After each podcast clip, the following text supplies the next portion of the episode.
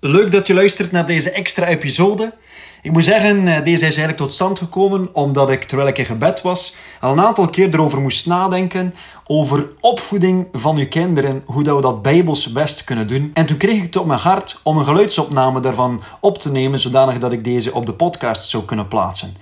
Mijn eerste reactie was, Nee, dit ga ik niet doen. Want ik zelf ben absoluut niet de beste papa. Ik maak nog heel veel fouten. Maar toen dacht ik bij mezelf: niemand is perfect. Dus waarom gewoon niet de Bijbel erbij nemen en daarover spreken? Wel, dit is dus het resultaat. dus als jij vader of moeder bent, of misschien opa of oma of grootouder of overgrootouder, of misschien ook helemaal niet, Misschien heb je gewoon op een of andere manier wel te maken met opvoeding, want dan is deze podcast speciaal voor jou. Ik wil een aantal dingen daarover meegeven. Ten eerste, als het gaat over opvoeding, is belangrijk walk the talk. Zoals we zeggen in het Engels. Wat bedoelen we daarmee? Leef uit wat je zelf zegt. En dat ik geef toe, dat is niet altijd even gemakkelijk. Wat dat houdt dus in dat jij zelf een voorbeeld moet zijn van wat je eigenlijk verwacht ook van je kinderen. Walk the talk is dus wel heel belangrijk. Want als je het ene zegt en het andere doet, dan ben je helemaal niet authentiek en ook niet geloofwaardig. Dan zullen je kinderen zeggen: Ja, papa, als jij niet eens doet wat je van ons vraagt, waarom zouden wij het dan moeten doen? En ja, gelijk hebben ze. Ten tweede is. Onderwijs hen. Leer hen, zoals de Bijbel ook zegt. Spreuken 22, vers 6. Oefen de jonge man, de kinderen, overeenkomstig zijn levensweg. Ook als hij oud geworden is, zal hij daarvan niet wijken. Zo belangrijk dus om dat te onthouden. Om hem te kunnen leren en onderwijzen, onderrichten. Ja, vanuit Gods woord, vanuit de Bijbel, daaruit voorlezen, absoluut. Maar dat ook heel concreet maken, ook in alledaagse dingen. Gaan laten zien hoe de Bijbel ons leert hoe we zouden moeten leven. Ten derde, een belangrijke, fun. Plezier hebben met elkaar. Lachen, plezier maken, samen spelletjes spelen. Wees hierin echt creatief. De boog kan niet altijd gespannen staan. Dat is ook over het volgende, het vierde punt, dat ik net hetzelfde wil zeggen. Grenzen stellen.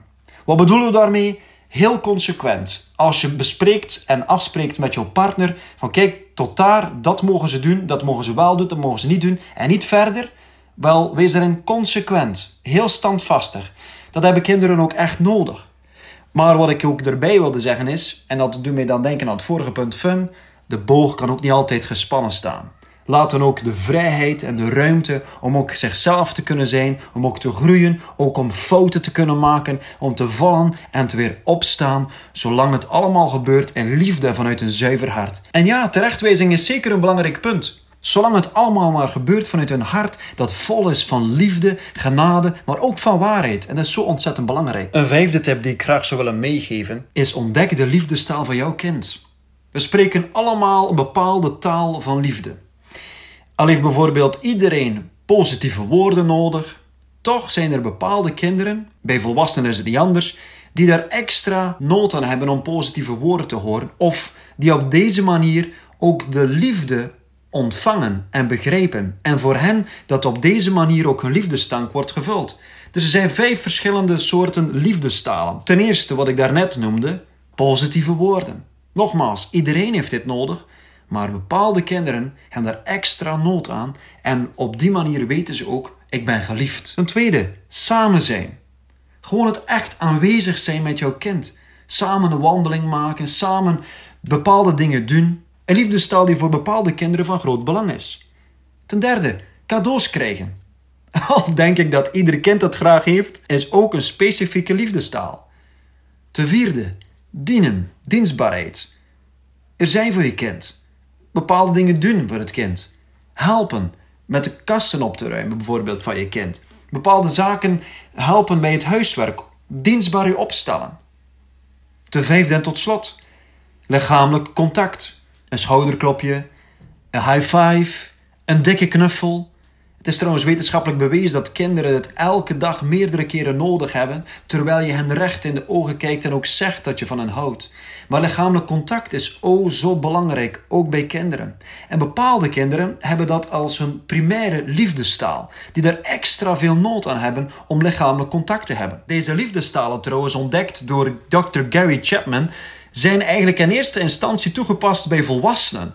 Positieve woorden, samen zijn, cadeaus krijgen, dienen en lichamelijk contact. En bij dat laatste helaas denkt de meeste aan seksualiteit. En let op, dat is zeker daarvan een onderdeel. Maar in eerste plaats gaat het letterlijk om dat lichamelijk contact met je partner. Maar in dit geval hebben we het nu over de liefdestalen die ook evenveel van toepassing zijn bij jouw kinderen. Dus wat kan jij gaan doen? Gaan ontdekken welke liefdestaal spreekt mijn kind het meest. En dan kunnen er misschien meerdere zijn, of alle vijf die ze graag ontvangen. Maar er is altijd wel één liefdestaal die uitspringt. Ik zou zeggen, ga eens op onderzoek met je kind. Elk afzonderlijk, want ieder kind is ook anders, hoef ik jou helemaal niet te vertellen. En ontdek welke liefdestaal ze spreken. Tot slot, voor de heren onder ons, de mannen. En bijzonder aan de papa's die ook aan het luisteren zijn, heb ik nog twee adviezen die ik zou willen meegeven. Ten eerste, hou van je vrouw. Hou van de moeder van jullie kids. Want de kinderen die kijken mee. De manier hoe dat jij van je partner houdt, de manier hoe dat jij met de moeder omgaat van hun kinderen, is veel bepalend. Zelfs de manier dat jij omgaat met jouw kinderen en omgaat met je vrouw, is voor hen bepalend voor de rest van hun leven, hoe ze zullen keuzes maken. Zelfs keuzes maken in relaties, vriendschappen, maar ook een toekomstige levenspartner waarmee ze zullen huwen. Dat is van groot belang. Ten tweede, mannen, jullie zijn geestelijke leiders. Uiteraard doen jullie dat samen met jullie vrouw, maar de Bijbel zegt: de mannen zijn de hoofd van het gezin, van het huwelijk. Maar belangrijk is om daarin te begrijpen: hoofd in de grondtekst betekent voorbeeld. Jullie zijn het voorbeeld als geestelijke leiders. En dat spreekt ook, als je het mij vraagt, ook over initiatief nemen. Wacht niet in eerste plaats op de partner, op de vrouw, op de moeder om bepaalde dingen te doen. Wees zelf als geestelijke leider verantwoordelijk en initiatiefnemend in de dingen die moeten gebeuren in jouw gezin en in de opvoeding. En bid er ook samen voor als partners. Het is fantastisch en zo krachtig om dat te doen. Wat wij ook samen als gezin trachten wekelijks te doen, is avondmaal vieren. Een aantal liederen zingen, voor elkaar bidden, avondmaal vieren, het brood breken, druivensap drinken weliswaar. Stilstaan bij de belangrijke zaken die Jezus ons geleerd heeft door het woord ter harte te nemen, door de Bijbel voor te lezen, vergeving te vragen aan elkaar, elkander te zegenen, is zo krachtig en dat bindt je samen sterker dan ooit. Zo, lieve mensen, dit is wat mij betreft een aantal tips die ik wilde meegeven. Nogmaals, ik pretendeer helemaal niet dat ik de beste papa ben. Ver van. Integendeel, ik heb een oproep. Ik zou heel graag willen weten wat jouw tips zijn en jouw advies. Ook als het gaat over opvoeding. Laat het mij zeker weten. Ik ben bereikbaar via verschillende kanalen. En ik zie er naar uit om van jou te horen. God zegen. Heel veel succes, want ik besef dat het niet altijd gemakkelijk is om vader of moeder te zijn.